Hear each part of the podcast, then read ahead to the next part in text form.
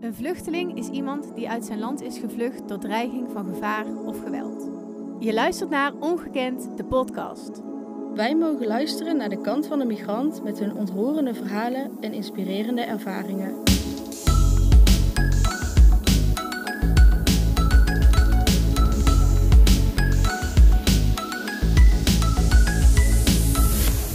Met vandaag Panzu Bamenga, Leeftijd. 37, Congo of Nederland? Nederland.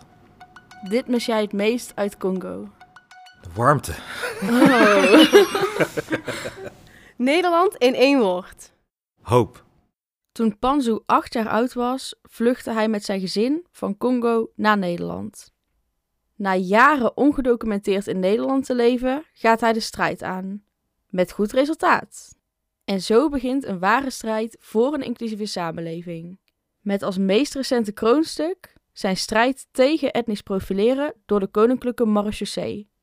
Inmiddels mogen we Panzo Bamenga een bekende Eindhovenaar noemen, onder andere door zijn rol voor D66 in de gemeenteraad. Wij, Milo en Mout, spreken hem vandaag over de tijd zonder verblijfsvergunning in Nederland, zijn reis terug naar Congo en zijn droom van een inclusieve samenleving. Nou Panzu, welkom. Fijn dat jij er bent vandaag. In de sneeuw. Dat ziet de rest niet, maar dat is vandaag wel zo. Je bent Zeker. een beetje ziek geweest, dus Ja. extra dank dat je er bent. Nou, dit weten we allemaal van jou. Nou komt een heel mooi indrukwekkend eh, lijstje. Je bent jurist, je bent voormalig gemeenteraadslid in Eindhoven. Je bent medeoprichter van Incleaders. Je bent in 2016 verkozen tot Eindhovens politiek talent van het jaar. In 2021 was jij Human Rights Man of the Year. En je hebt mogen spreken in het Witte Huis. Als ik jou echt ken, wat, wat weet ik dan van jou? Behalve dit lijstje. Ja, is wel lastig om te zeggen. Nou dat, dat ik heel grappig ben, dat is misschien. wel. Ben je heel is, eh, grappig? ja, dat, moet nog blijken, denk ik. en hoe eh, uitzicht dat dan? En dol jij een beetje met mensen of zo? Nou ja, dat, dat sowieso. Het is gewoon humor en gewoon de, de, de grap in alles zien, zeg Ja? maar. En, en ook dingen relativeren. En weet je, hoe erg het ook is, weet je, je moet het stukje humor nooit verliezen, weet je wel. En ehm, ik probeer wel altijd een lachje, zeg maar, in iedereen zijn gezichtje te krijgen. Wat goed. En het is denk ik ook onderdeel om connectie met mensen te maken. Ja, want hoe verhoudt inderdaad de humor zich dan met jou toch wel heel vaak serieuze eh, rollen, mag ik zeggen? Of Ja. eh, serieuze onderwerpen ook? Nou ja, ehm, ik heb bijvoorbeeld in 2018 nou, etnisch profileren geagendeerd, hè, eh, toen ik zelf staande gehouden was. Mhm. En als je die tekst leest, die, letterlijk de eerste zin, dan zeg ik van, eh, ik, ik, ik ben eh, eindelijk, eh, ik ben terug in Eindhoven en ik word verwelkomd, ja, door regen, weet je wel. Dus daar ben ik niet zo blij mee. En door etnisch profileren. En dat, dan, dat is dan het serieuze onderwerp. en dan ga ik precies. praten over etnisch profileren. Maar letterlijk in die eerste zin zit er een soort van grap. Dat is gewoon hoe ik, hoe ik ja, in elkaar zit. En ik denk dat dat, Dat is Toch ook wel de altijd- manier hoe mensen naar je beginnen te luisteren, waarschijnlijk. ja, ja, dat zeg je heel goed. Ik heb ooit muziek gemaakt. Oh. En wat je leert met muziek maken, en als je een optreden doet, ik was toen eh, eh, rapper en ik had een eh, band met zangeressen, met, met, met mensen die live muziek speelden. En wat je leert is dat je eerst connectie moet maken met je publiek. En als je geen connectie hebt met je publiek, Zeker. dan, dan komt je boodschap nooit, ja, Nooit niet binnen. door. Mooi. We gaan naar een heel serieus stukje. We gaan Oh. even naar de historie van, eh, van Congo. Onze luisteraars daar ook in mee te nemen. Want de Democratische Republiek Congo kent het dodelijkste conflict sinds de Tweede Wereldoorlog. En de ergste die ooit in Afrika heeft plaatsgevonden. Als gevolg daarvan zijn ongeveer tussen de 4 en 5 miljoen mensen om het leven gekomen. En eigenlijk is de grootste bron van ellende is Congo's rijkdom. Want het heeft namelijk schatten in de grond zitten, diamanten en goud. En het lukt de 20.000 man sterke troepenmacht van de VN nog niet, de grootste ter wereld, om de bevolking tegen al dat geweld te beschermen. En het internationaal strafhof in Den Haag probeert eigenlijk al jaren gewelddadige bendeleiders te berichten. Als ik dit hoor, denk ik, wow, super heftig. En dat is jouw geboorteland. Hoe, hoe is dat voor jou en hoe is jouw connectie nu met Congo? Het is heel heftig. Ja, en hè? het is überhaupt heftig dat dit soort dingen in de wereld Ja. gebeuren. Het, het doet je eigenlijk herinneren hoe goed wij het hier hebben in Nederland. Hè? Zeker. En er zijn maar weinig plekken in de wereld die het zo goed hebben zoals wij het Ja. hebben. Ja. En dat is heel vreemd eigenlijk. En voor mij ja, is het wel pijnlijk om te zien, eh, of dat nou eh, Congo is, hè, in dit geval is dat mijn geboorteland, maar of dat nou een andere plek is. Ehm, en, en, en dat doet me zoveel pijn dat ja, dat ik wel daarin zeg maar, mijn bijdrage zou willen leveren om, om dat te veranderen. Hè? Want uiteindelijk zijn we met z'n allen eh, verbonden met elkaar. En, en dat moeten we ons realiseren. Dus we zijn verbonden met alle conflicten die verderop in de wereld gebeuren. En we moeten dat eigenlijk niet toestaan dat dat gebeurt. En, en ik vind dat we met z'n allen een verantwoordelijkheid hebben om ook daaraan bij te dragen om uh, dat te voorkomen. Om eigenlijk iedere plek in de wereld een soort Nederland uh, van. Uh, dat zou mooi zijn. In ieder geval op het gebied van veiligheid denk ik dat dat een heel mooi streven is. Ja, hè? op het gebied van vrede, veiligheid. Vraagteken? Nou ja, tuurlijk, Nederland heeft ook zijn issues en dat soort ja. zaken. Um, maar als het goed is, hoef je niet bang te zijn voor een totale uh, willekeur of, of, of gevaar. Gewelddadige, uh, gewelddadige bendeleiders ja. of wat dan ook. Heb jij eigenlijk herinneringen aan Congo? Ik heb hele kleine herinneringen aan, aan, aan Congo. Want, nou ja, weet je, ik, ik, ik heb herinneringen, maar die, die, die kunnen zomaar voortvloeien uit foto's, uit verhalen van mensen. En weet je, of dat echt originele herinneringen zijn, weet ik niet. Uh, maar ik heb wel hele kleine herinneringen aan, uh, aan Congo. Uh, en ik ben er onlangs ben ik er zelfs naar terug geweest. Oh, echt? Was dat de eerste keer? Dat was de eerste keer, oh. zeker. Ja, ja, Is dat heftig of is dat mooi of allebei? Nou ja, het was sowieso mooi.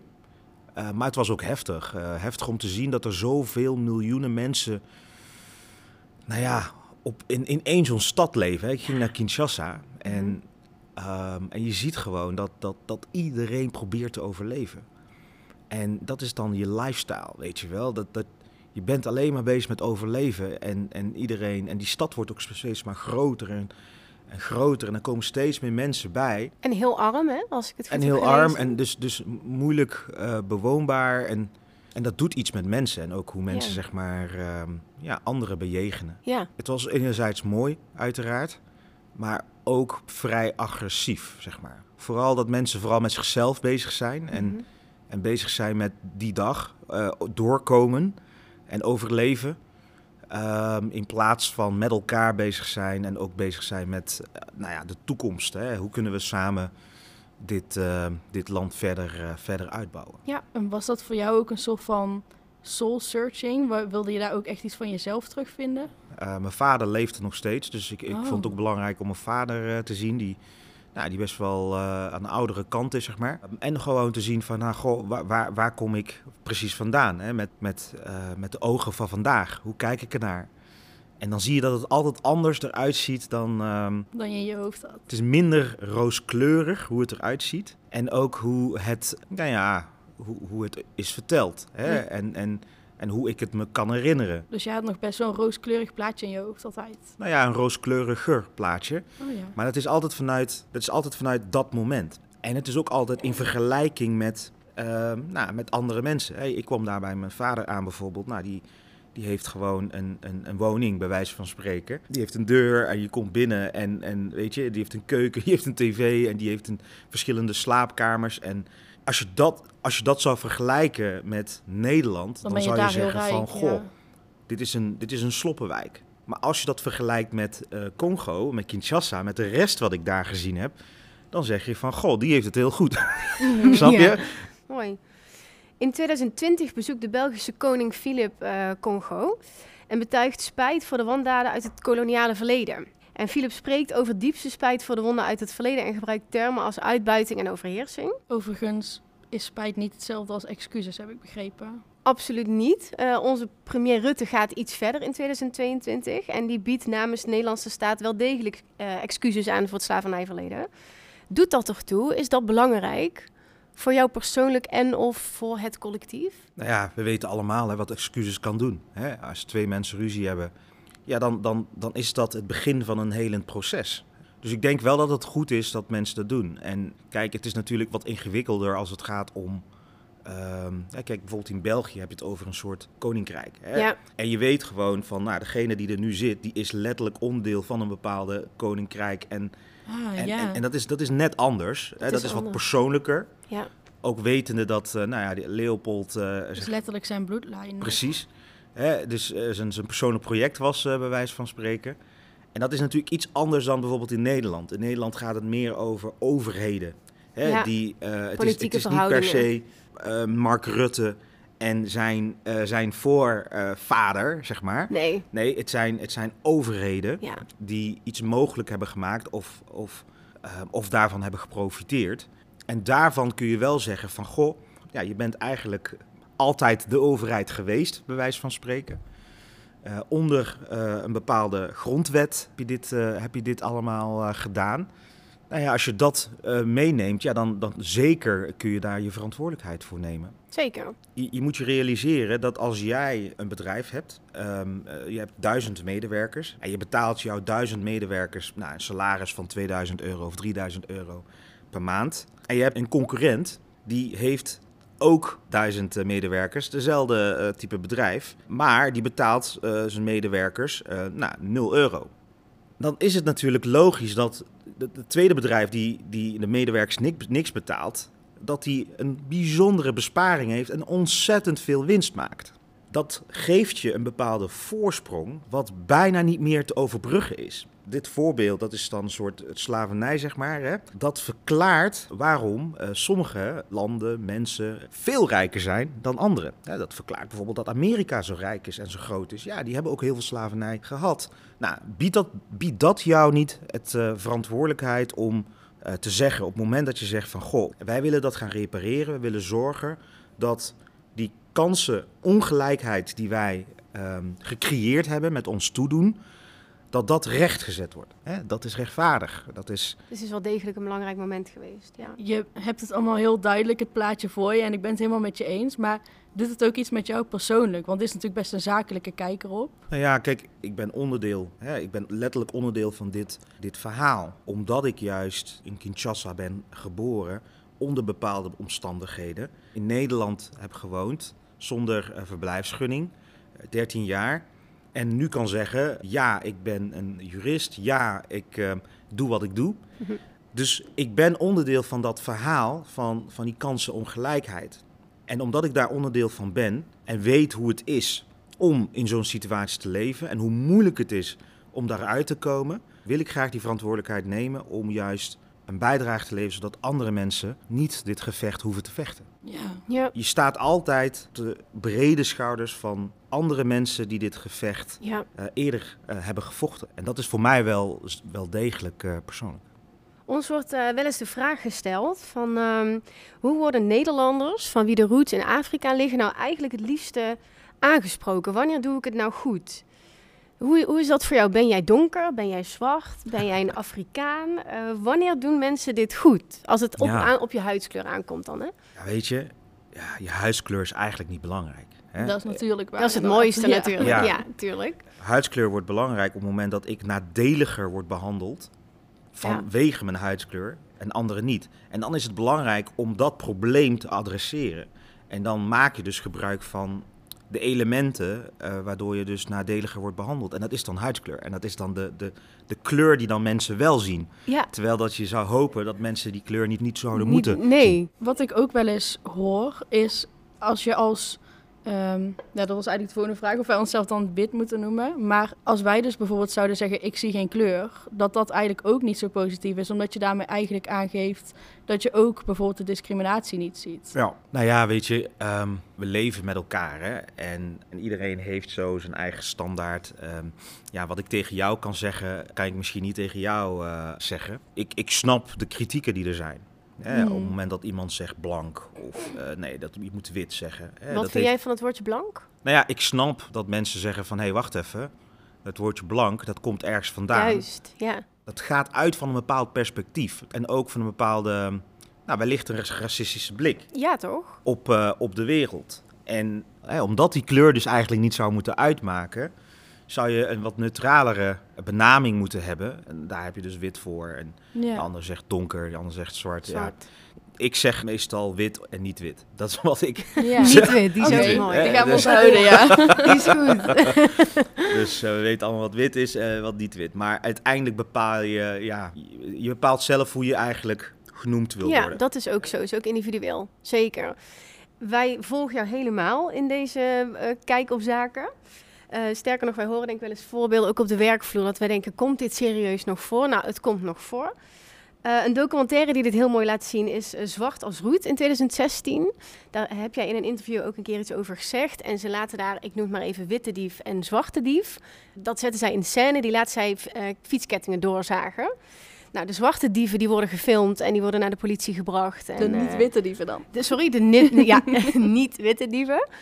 Um, en dan denken wij wel eens van, goh, ligt dit tijdperk niet achter ons? Maar nee, dat is dus echt nog steeds niet zo. Dat is natuurlijk eigenlijk wel heel, ja, ik vind dat heel sad op een of andere manier. Is dat alleen op dat uh, vlak van dat etnisch profileren, waar je natuurlijk heel erg voor staat? Of is dat ook op andere vlakken dat je dat merkt? Ja, kijk, het heeft uiteindelijk met onbewuste vooroordelen te maken. Juist. Die hebben we allemaal. Nou ja, om een voorbeeld te geven, de eerste keer dat ik een vrouwelijke piloot hoorde, dacht ik van, oh, hey, dit heb ik nog niet eerder gehoord.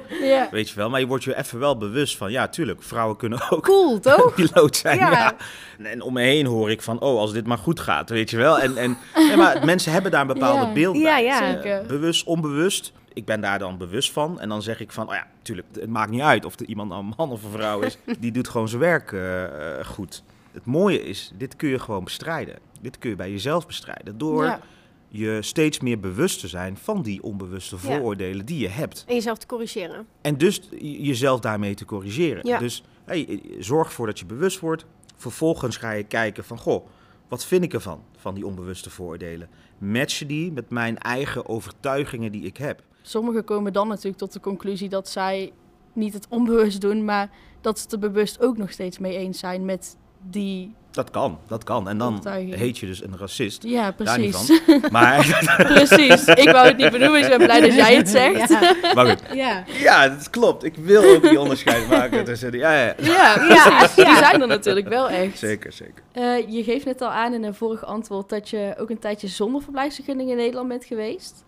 Um, was er wel iets aangevraagd toen? Uh, was je in afwachting van een vergunning? Of was er ook echt niks aangevraagd? Was je hier ongedocumenteerd? Ja, wij zijn in 1994 in Nederland gekomen. En toen hebben wij asiel aangevraagd. Ja. Nou ja, dat heeft ongeveer twee jaar en elf maanden geduurd voordat we daar een reactie op gekregen hebben. En toen waren we dus uh, afgewezen. Dat was de reactie. En vanaf dat moment eh, zijn we doorgaan leven, zeg maar, in Nederland zonder verblijfsvergunning. Begrijpelijk. Um, nou, soms uh, in procedure, soms niet in procedure tot het ene moment. dat was volgens mij in de zomer van 2006. En toen kregen wij een uh, brief uh, dat we acht, uh, binnen acht weken het land moesten verlaten. Oei. En dat was wel een, ja, belangrijk moment. Ik studeerde toen net rechten. Ja, en toen had ik een gesprek met een ambtenaar van dienst terugkeer en vertrek. Die mij vertelde dat ik hier niks te zoeken had in Nederland en dat ik het land oh, in die moest, ook echt. moest verlaten. Wow. En nou, dat deed wat met mij. En ik dacht van ja, maar dit is mijn land. Ik laat dat niet gebeuren. Ik studeerde rechten, dus ik ben zelf aan de slag gegaan.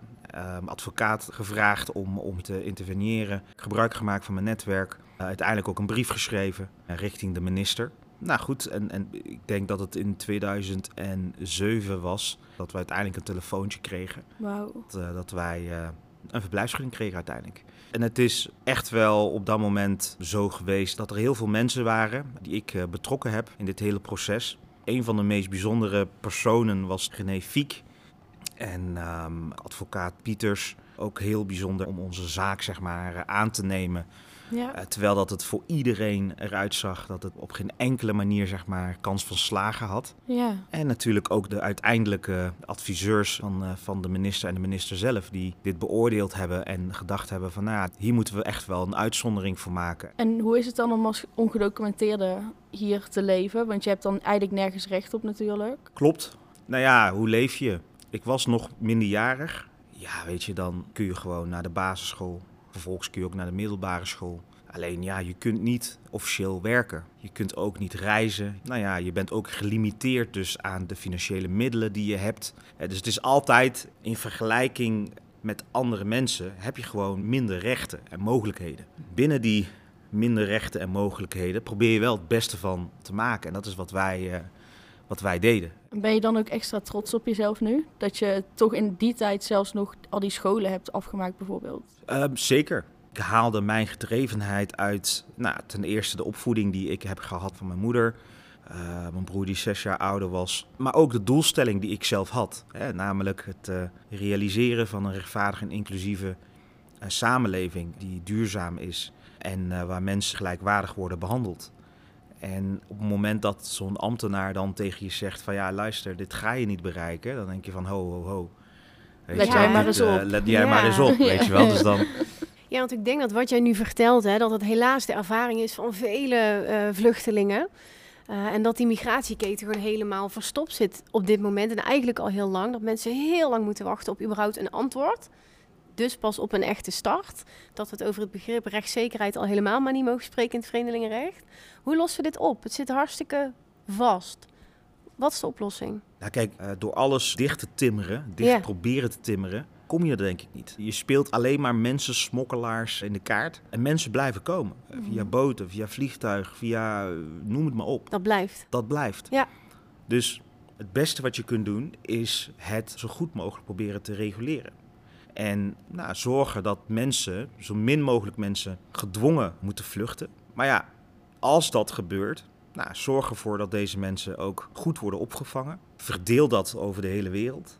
En mensen die niet zozeer door oorlog hun land hoeven te verlaten, ja. maar om andere redenen, omdat ze het gewoon beter willen, dat is in mijn ogen ook niet iets crimineels. Hè? Dat is iets nee, wat, wat, wat, iedere mens, als het goed is, wil. Die, iedere mens wil het beter hebben. Ja. En daarvoor is het belangrijk natuurlijk om te zorgen dat zoveel mogelijk mensen in de wereld het beter hebben. Ik ben veel meer een soort voorstander van gereguleerd migratie. Dus minder brandjes blussen minder brandjes blussen. Ja. Je hoeft het dan ook niet te zien als iets heel negatiefs. En er is ook veel minder drama. Ja. Onlangs nog een boot die uh, oh, ja, vreselijk. gezonken is, oh, zeg maar, in de Mediterraanse Zee. Ja. ja, dat gaat ons allemaal aan. Oh ja, ja.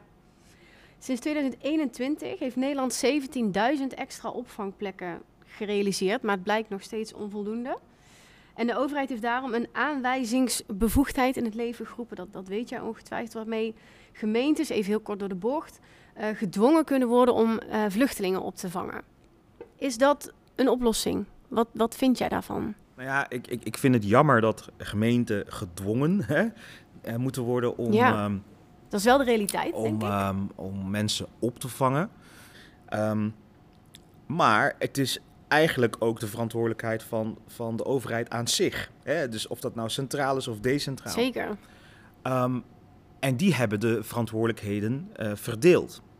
En uiteindelijk komen die mensen in de gemeenten uh, terecht. terecht. Ja, zeker. Dus dan is het logisch, als je solidair wilt zijn met elkaar, want daar, dat maakt ons Nederland, dat maakt ons één, uh, één land, ja. namelijk dat we solidair zijn aan elkaar, dat we belasting betalen, zodat wij allerlei voorzieningen hebben.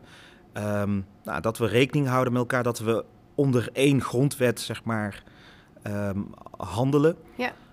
Um, dat maakt ons een land. Dus dat betekent dus ook dat je dus solidair bent op het moment dat er dus vluchtelingen uh, in Nederland uh, uh, aankomen. Een plek nodig hebben. Een plek nodig hebben. Ja. En dat je dat zo goed mogelijk probeert in te richten. Het is eigenlijk een beetje een menselijke maat die jij bedoelt. Dat dat meer toegepast mag worden. Maar dat is meer al daarna. Ik denk als iemand hier net komt. Dus je had het al over inplaatsing. Ja. Maar wat is een warm welkom? Hoe kan iemand zich hier nou welkom voelen als hij net is gevlucht uit Congo? Misschien niet alleen door gemeentes, maar door ons ook. Bijvoorbeeld, ja. Wat je meestal ziet, in eerste instantie is er een groep mensen die erop tegen zijn. die, die demonstreren. En ik zeg altijd van ja, het, het, je moet het niet per se wegwuiven. Hè? Dat ze, daar zitten mensen bij die, die gewoon echt vragen hebben. Je moet daar uh, met, met respect moet je daarmee omgaan. Je moet mensen horen, luisteren. Ja. En nadat je dat proces hebt gehad, dan zie je meestal wel dat mensen bereid zijn om de verantwoordelijkheid te nemen. En om die mensen, die nieuwe mensen die dan aankomen, om die te verwelkomen. Ja.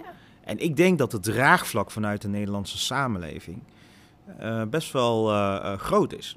Ja? Om, om, mensen te, te, te, ontvangen. Weet je? En dat is ook wat ik ervaren. Dat is echt letterlijk wat ik ervaren ja, heb. Dat vertel je en, ook, ja. Maar dat betekent niet dat er niet gediscrimineerd wordt. Dat betekent niet dat mensen geen vooroordelen hebben. Maar het is juist goed. Want alleen in verbinding met elkaar um, leer je ook iets over jezelf. Hè, dat ze zeggen van, goh, hoe ruik, jij ruikt vreemd. Goh, wat, wat eet jij wel niet? Ja. je zegt in eerste instantie dat het raar is, omdat het jou onbekend is. Maar op het moment dat je daar vragen over gaat stellen, misschien op een neutrale manier, Mhm. je komt met die persoon in verbinding en je gaat het begrijpen. Ja. En, en je gaat zelf even proeven aan het eten. Wie weet zeg je wel, oeh, lekker. Ja. En dan verandert je Precies. perspectief ook. En dan kom je in verbinding met elkaar. En dan is het niet meer vreemd. Nee. Dan is het een verrijking in je leven, want je hebt iets nieuws ontdekt. Juist. Ehm, wat je weer lekker vindt. Ja. Ja. Waardoor ik dan denk van, daar word je uiteindelijk als samenleving vele malen sterker van. Mooie uitnodiging, denk ik. Iemand die jou heel dierbaar is, zei ooit dit tegen jou. I believe in your dream. Misschien wil je iets over haar vertellen en hoe de gebeurtenissen omtrent haar overlijden jou tot op de dag van vandaag maken wie jij bent. Denk ik wel dat we dat zo mogen zeggen. Ja, nee zeker. Mijn, mijn zus, die, eh, eh, nou, die was de eerste die, ja, die tegen me zei van, ah, je moet je echt bekommeren om andere mensen. Ja, En je moet vechten voor mensenrechten. Hè, zij ehm, stimuleerde mij om namens eh, Amnesty International brieven schrijven aan mensen die ter dood veroordeeld waren. Dus hij liet ook zien dat, ehm, ja, dat je echt wel moet bekommeren om andere mensen. En dat je op die manier zeg maar, een betere samenleving krijgt. Hè. Dus niet alleen maar heel individualistisch, maar ook ehm, dat je in verbinding staat met, met anderen. Wat die mensen ook eh, gedaan hebben. Men-. Mensen hebben rechten. zeker. Dus ja, nou ja, en, en, en, en zij weet inderdaad wat mijn droom is. En, ehm, en zij heeft inderdaad in haar ehm, laatste bericht naar mij toe, voordat ze zelf kwam te overlijden, heeft zij eh, in een sms naar mij toe laten weten dat zij in mijn dromen gelooft. En dat ze hoopt dat ik eh, die dromen zal, ehm, ja, zal blijven najagen. En die telefoon heb jij nog met dat berichtje erop, hè? Klopt, telefoon heb ik nog eh, met, dat, eh, met dat bericht eh, erop, zo'n oude Nokia. Ja, zo'n witte toch? Ja, Ja? dus eh, zo'n oude Nokia. nou ja, goed, dat, eh, dat is heel erg dierbaar, eh, Ja, dierbaar voor mij. Zit heel en diep. ehm, ja, zeker. Mooi. Mooi, ja. prachtig, prachtig verhaal. Hier hebben we het net al eventjes kort over gehad, maar we moeten het noemen, want het is zo belangrijk voor jou, voor, jou, voor je carrière. Ik denk ook persoonlijk. Jij wordt eruit gepikt op Eindhoven Airport. Hadden ze net de eh, verkeerde te pakken. Ja, volgens mij kwam je uit Italië. Eh, en je beschuldigt eh, de Koninklijke Marechaussee van etnisch profileren. En jij bent vorige maand in het gelijk gesteld. Eventjes kort opgezond, hè? Hen is verteld dat zij hun beleid moeten aanpassen. Nou, prachtig. Gefeliciteerd. Hartstikke mooi. Ehm, en jij vertelt ook aan Studio 040 dat zulke acties van de overheid het gezag ook schaden van de overheid. Kan je, kan je dat uitleggen? Nou, kijk, het gezag staat voor onze grondwet. Hè? Op het moment dat het gezag eh, degene is die controleert of de inwoners wel of niet iets strafbaars doen, dan, dan moet het gezag die dat doet, die moet natuurlijk roomser zijn dan de paus. Hè? Op het moment dat nou ja, het gezag dat niet is, dan stimuleer je dus dat mensen gaan denken van ja, als jullie dat niet doen, waarom zou ik me wel aan de wet moeten houden? En dat is gevaarlijk ergens, hè? En dat is heel gevaarlijk. Ja, dat is heel gevaarlijk voor, voor de samenleving. Ja, En we moeten ook niet vergeten, we leven in een samenleving met alle kleuren die er maar zijn, dat de overheid van ons allemaal is, voor ons allemaal is. En, en we hebben daarin contracten met elkaar opgesteld, we hebben daarin afspraken met elkaar opgesteld. Eh gij zult niet discrimineren, enzovoort, enzovoort. Mhm. En dat is letterlijk artikel 1 van de ja grondwet. inderdaad. Waarom is het artikel 1? Omdat dat het begin is van alles. Op het moment dat je vanaf het begin al gaat discrimineren, dat betekent dat alle rechten die vervolgens daaruit voortkomen, of dat nou privacy is, of dat nou veiligheid is, dat die dus ook allemaal ehm, wel voor jou gelden, maar niet voor jou. Mhm. Ja. En dat kan gewoon nee, niet dat zo kan zijn. echt niet zo zijn. Misschien even om voor de luisteraar echt een, een beeld erbij te kunnen schetsen. Hoe ziet dat etnisch profileren er in de praktijk uit? Je komt bij de douane aan en ze pikken jou er telkens uit dan. Nou, of je nou zeg maar ehm, met de auto komt, of je nou met, eh, met zo'n vliegtuig eh, aankomt. In principe zijn er geen controles. Hè, Ja, het- Het is eh, binnen, binnen Europa. Europa. Ja. Dus je loopt in principe gewoon meteen richting de uitgang. Ja. Maar ergens tussen uitstappen van het vliegtuig naar de uitgang... Kun je, daar ergens tussenin kunnen eh, plotseling controles eh, eh, plaatsvinden. Oh. En als ze dan plaatsvinden, dan word ik als niet-witte persoon er eh, veel vaker uitgepikt dan misschien wel een witte eh, persoon. En dan gaan ze je spullen doorzoeken of vragen stellen. Dan, dan gaan ze eh, vragen stellen afhankelijk van wat ze willen weten. Ze kunnen op zoek gaan naar mensen die niet rechtmatig in Nederland Ah, ja. blijven, ja. nou, dan checken ze je paspoort. Ja. En als ze eenmaal je paspoort checken, dan, dan gaan ze ook kijken of je strafbare feiten hebt, of je je belasting hebt betaald en weet je, dat soort Ja. dingen. Als dat allemaal oké is, dan mag je doorlopen. En dat werd ook verklaard, hè, dat dat echt het beleid was. Ja, Ja, ja dus gewoon ja, nou, nee, zeker. eenmaal... ja, best bizar. Dus ja, dat jij, vind dat heel bijzonder hoor. waar eigenlijk geen controles zijn, wordt er opeens Ja. naar jouw belastingaangifte Ja. gekeken. bijvoorbeeld. Ja, Ja. Kijk, kijk, ze kijken naar heel veel andere ja, dingen. bijvoorbeeld inderdaad. In mijn geval, en dat is ook een, een beetje het, het, het lastige van dit verhaal. In mijn geval waren ze inderdaad op zoek naar mensen die niet rechtmatig in Nederland verblijven. En Mhm. ze hebben af en toe gezegd, ja, we zijn op zoek naar niet-Nederlanders. Dat is een beetje wat, Oh hoe, ja, ze dat, de uitmaak. hoe ze dat zeiden. Hmm. Maar ze zeiden ook, we zijn op zoek naar ehm, een, een Nigeriaanse geldsmokkelaar. Oh. Oh ja. En, en dat is dubieus, dat je, dat je eigenlijk op zoek bent naar allerlei type mensen, zeg maar, hè, profielen, eh, zonder een concrete verdenking. En, en dat je allemaal mensen staande houdt. Nou, zo werkt dat niet. Hè, dat is joh. niet hoe dat werkt. Eh, Strafrecht, strafvordering, dat betekent dus, daar zijn regels voor. Iemand mag niet zonder verdenking Ja. staande gehouden worden. Nee. Nee, klopt. Dat gebeurt dan wel. Oké, ik moet een niet-Nederlander hebben. Oké, maar hoe ziet die niet-Nederlander niet-Nederlander Ja. eruit dan? Dat is Of eigenlijk de hoe mooiste ziet een vraag. Nederlander eruit? Ja, ja. Dat weet ik niet. Ja. En om dat allemaal te doen, hebben ze profielen eh, waarin bijvoorbeeld staat van een, een Nederlander is wit en een niet-Nederlander die zal wel niet wit zijn, hè, bij wijze van spreken. Ja. Of nou ja, een Nigeriaanse geldsmokkelaar, nou dat is iemand die snel loopt, eh, goed gekleed is en als een niet-Nederlander eruit ziet. Hè, eh, dus dat betekent niet wit. Nou ja, wie wordt er dan iedere keer uitgepikt? Eh, ja, ik ben inderdaad vaak eh, goed gekleed, eh, al zeg ik het zelf. Ja, afhankelijk van de situatie. Meestal loop ik inderdaad wat sneller, omdat ik denk, hey, ik heb wat anders te doen dan eh, hier in de rij blijven staan. Nee, je bent niet wit. En ik, en ik ben niet wit. Ja, dan word je de hele tijd eruit gepikt. Zo, het is niet zo onschuldig. Hè? Ik bedoel, kijk, het kan zijn dat iemand die zeg maar die profielen maakt, zo'n onbewuste vooroordeel heeft. Hè? Stel je voor dat het onbewuste vooroordeel van die persoon is ehm, een crimineel. Oh ja, die is niet wit. Nou, die schrijft dat dan op. En vervolgens denkt die persoon van, nou, oh ja, een Nederlander of niet-Nederlander, die is ook niet wit. Hè? Dus die schrijft dat ook allemaal op. En, ehm, en, en die, die persoon die, die, die maakt dat tot onderdeel van het beleid dat dat gebeurt. Dus vooroordeel vanuit menselijk eh, gedacht en, en ook ehm, wordt plotseling zeg maar onderdeel van een heel systeem. Misschien ook een beetje kip-en-ei verhaal of visieuze cirkel. Dat als jij dus vanwege etnisch profileren meer mensen staande houdt ehm, met een andere huidskleur, dat je dan ook automatisch in je hoofd een beeld krijgt van, oh, die mensen zijn vaker crimineel. Ja. Terwijl dat misschien helemaal niet zo is. Nou ja, precies, want je organiseert een grotere pakkans voor een bepaalde groep. Ja, precies. dus als je alleen maar gaat targeten op Ja. niet-witte mensen, ja, dan, dan zul je ook uiteindelijk ook mensen vinden die inderdaad. Ja, tuurlijk. eh, niet Nederlanders zijn. Inderdaad eh, Ja. een crimineel eh, zijn. En, en, en Ja. dan Lijkt het te kloppen ook lijkt nog. het te kloppen ook nog. en dan ja. kom je in die visieuze Ja. cirkel. ja. Precies, Ja. precies. En wat ik zo ontroerend vond, ehm, want jij hebt hier volop over gedeeld op jouw LinkedIn-pagina onder andere, terecht, super grote overwinning, dat dit zoveel mensen raakt. Die reacties waren echt prachtig. En zoveel mensen die zeggen bedankt en dit raakt mij ook, ik heb dit meegemaakt. Volgens mij is dat, moet dat jou raken, want het is, eh, Ja. het is verdrietig, maar het is ook heel mooi dat mensen dit zo ondersteunen.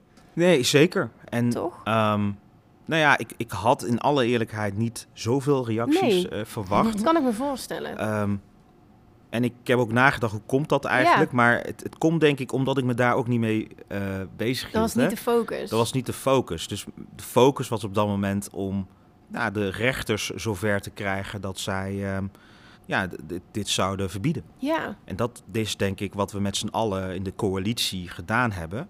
Hè, met eh, Amnesty, met eh, Pulp, eh, met Radar, met Houthof Advocaten en Robbie, de, de, de piloot en Control Alt Delete. Hè, wat we samen gedaan hebben is nou ja, zorgen dat de rechters eh, dit uitspreken. Ik denk dat jouw boodschap heel duidelijk is. Die is eigenlijk al jaren ook wel heel duidelijk met dit als hele mooie victory dit jaar al. Hè?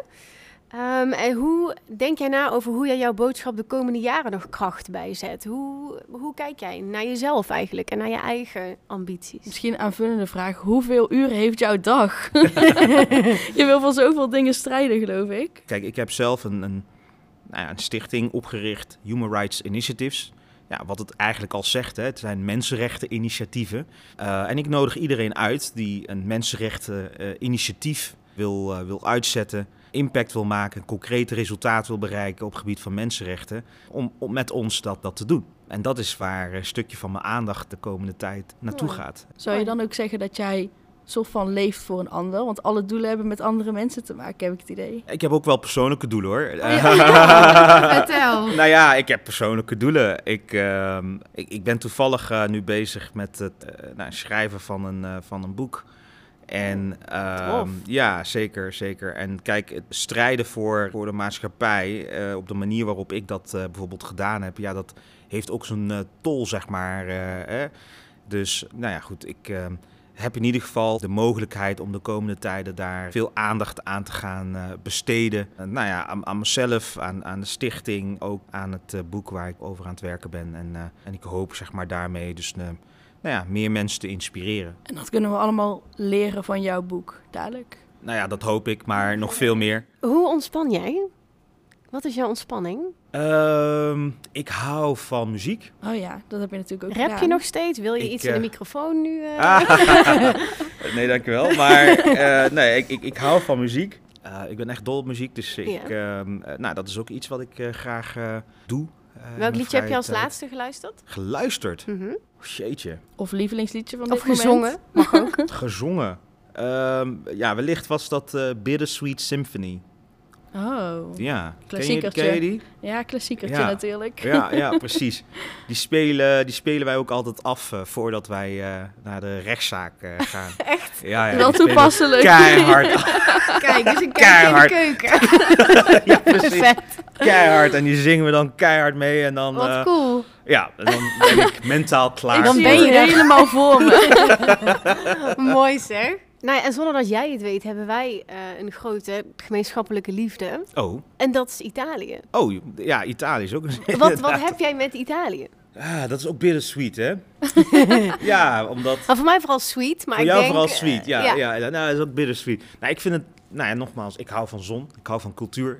Daar heb je daar natuurlijk, kun je dat vinden. En- Italië en heeft alles, eten, als je het mij vraagt. Lekker eten. Nou ja, precies. Dit, dit Ja. heeft alles. Nou, waarom zeg ik bittersweet? Ja, ik bedoel, ik was in september bijvoorbeeld in Lampedusa, eh, Mhm. ook Italië. En dan Ja. kom je daar en dan...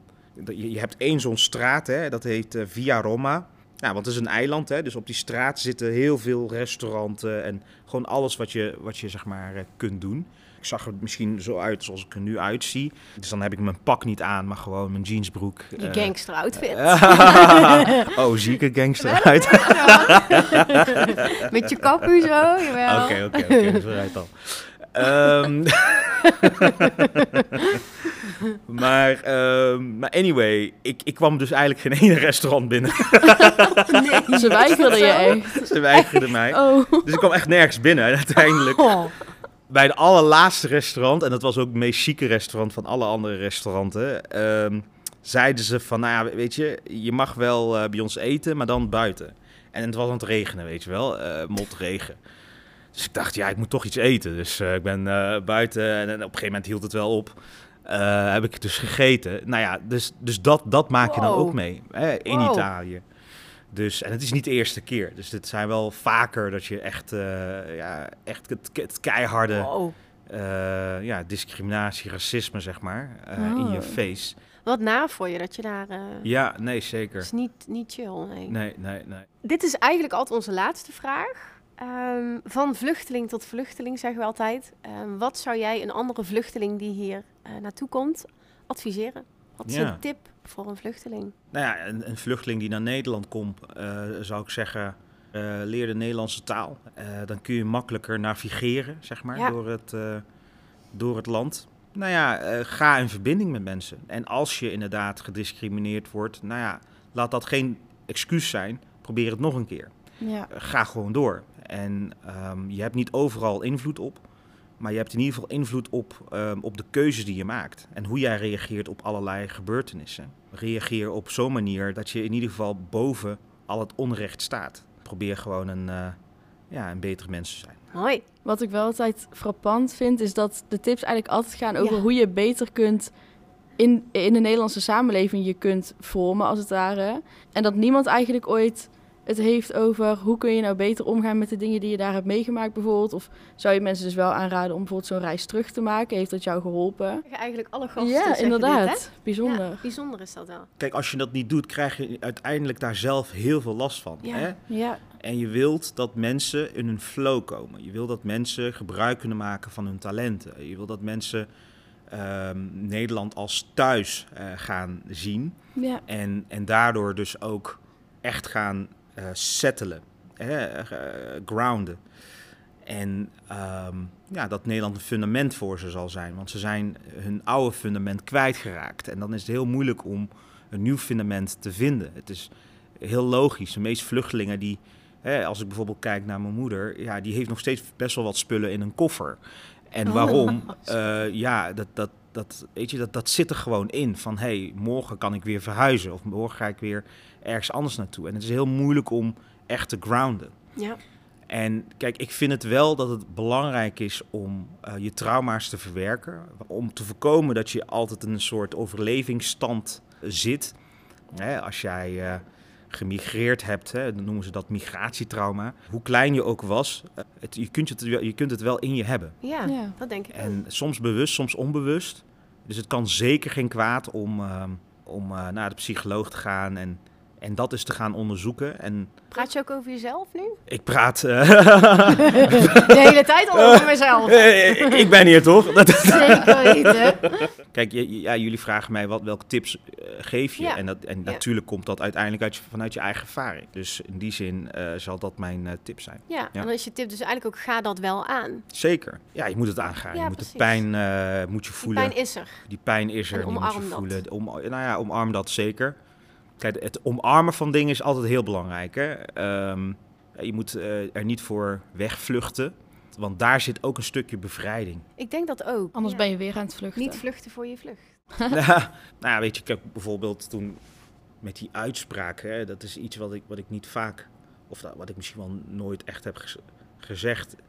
Um, op het moment dat je zo'n negatieve uitspraak krijgt van... Um, uh, in eerste aanleg was dat ja. uh, toen over dat etnisch profileren, dat, dat gezegd wordt van ja, etniciteit, huidskleur, uh, hoeft niet, maar kan een indicatie zijn voor je afkomst. Nou ja, dat, is, dat slaat dan als een bom. Ja. Hè, want daarmee zeg je dus van, oh, dus je huidskleur kan niet zeggen of je Nederlander bent of niet. En dat, dat, dat heeft heel veel mensen heel veel pijn gedaan. Ja. En dan, nou ja, dan verlies je zo'n zo'n zaak. Uh, uh, nou, je wint wel, denk ik, in, in, in, het, in de bewustwording. Hè? Ja. Want heel veel mensen worden zich nog meer bewust en actief om hier iets aan bij te dragen. Um, maar dat is wel een, een hele pijnlijke, uh, pijnlijk moment. Ja, en dus gezegd door de rechtbank. Echt. En gezegd door de rechtbank. Ja. Kijk, dat zijn dus momenten waarvan ik dan in mezelf denk, hè, want uh, een half uur later moet ik de pers te woord staan. Ja. En wat ik bij mezelf denk van Panzu, um, uh, omarm dit. Hè, dit dit Ah, ja. is onderdeel van de strijd ja. uh, die jullie aan het voeren zijn. Moet je wel uh, kunnen. En omarm het en, um, ja, en, en ga het aan. Dat is wel knap. Ja. Complimenten. Wij vragen altijd onze gast, ik vind het wel een spannend moment, om uh, af te sluiten in uh, de taal van het land van herkomst. Nou heb ik gelezen dat uh, er in Congo meerdere dialecten en talen gesproken en misschien worden. wil ik je weet dit helemaal niet niet of je het ja. wil en of je het spreekt. Maar wil je een afscheidsgroet geven? Dank voor jouw komst. In een taal naar keuze dan dus. Ja. Houdoe, mag ook. Voel je vrij. nou ja, ik zei houdoe, hè? dat is mentaal ook. Mag, hè? ja, zeker. Ja, ik taal. spreek verschillende talen, dus ik uh, kan houdoe zeggen. Ik, mm -hmm. had, ik kan um, Frans spreken à la prochaine fois. Au revoir. Mm -hmm. um, maar ik kan ook zeggen in het uh, Lingala, uh, mbote, nabino. Dankjewel. Mooi.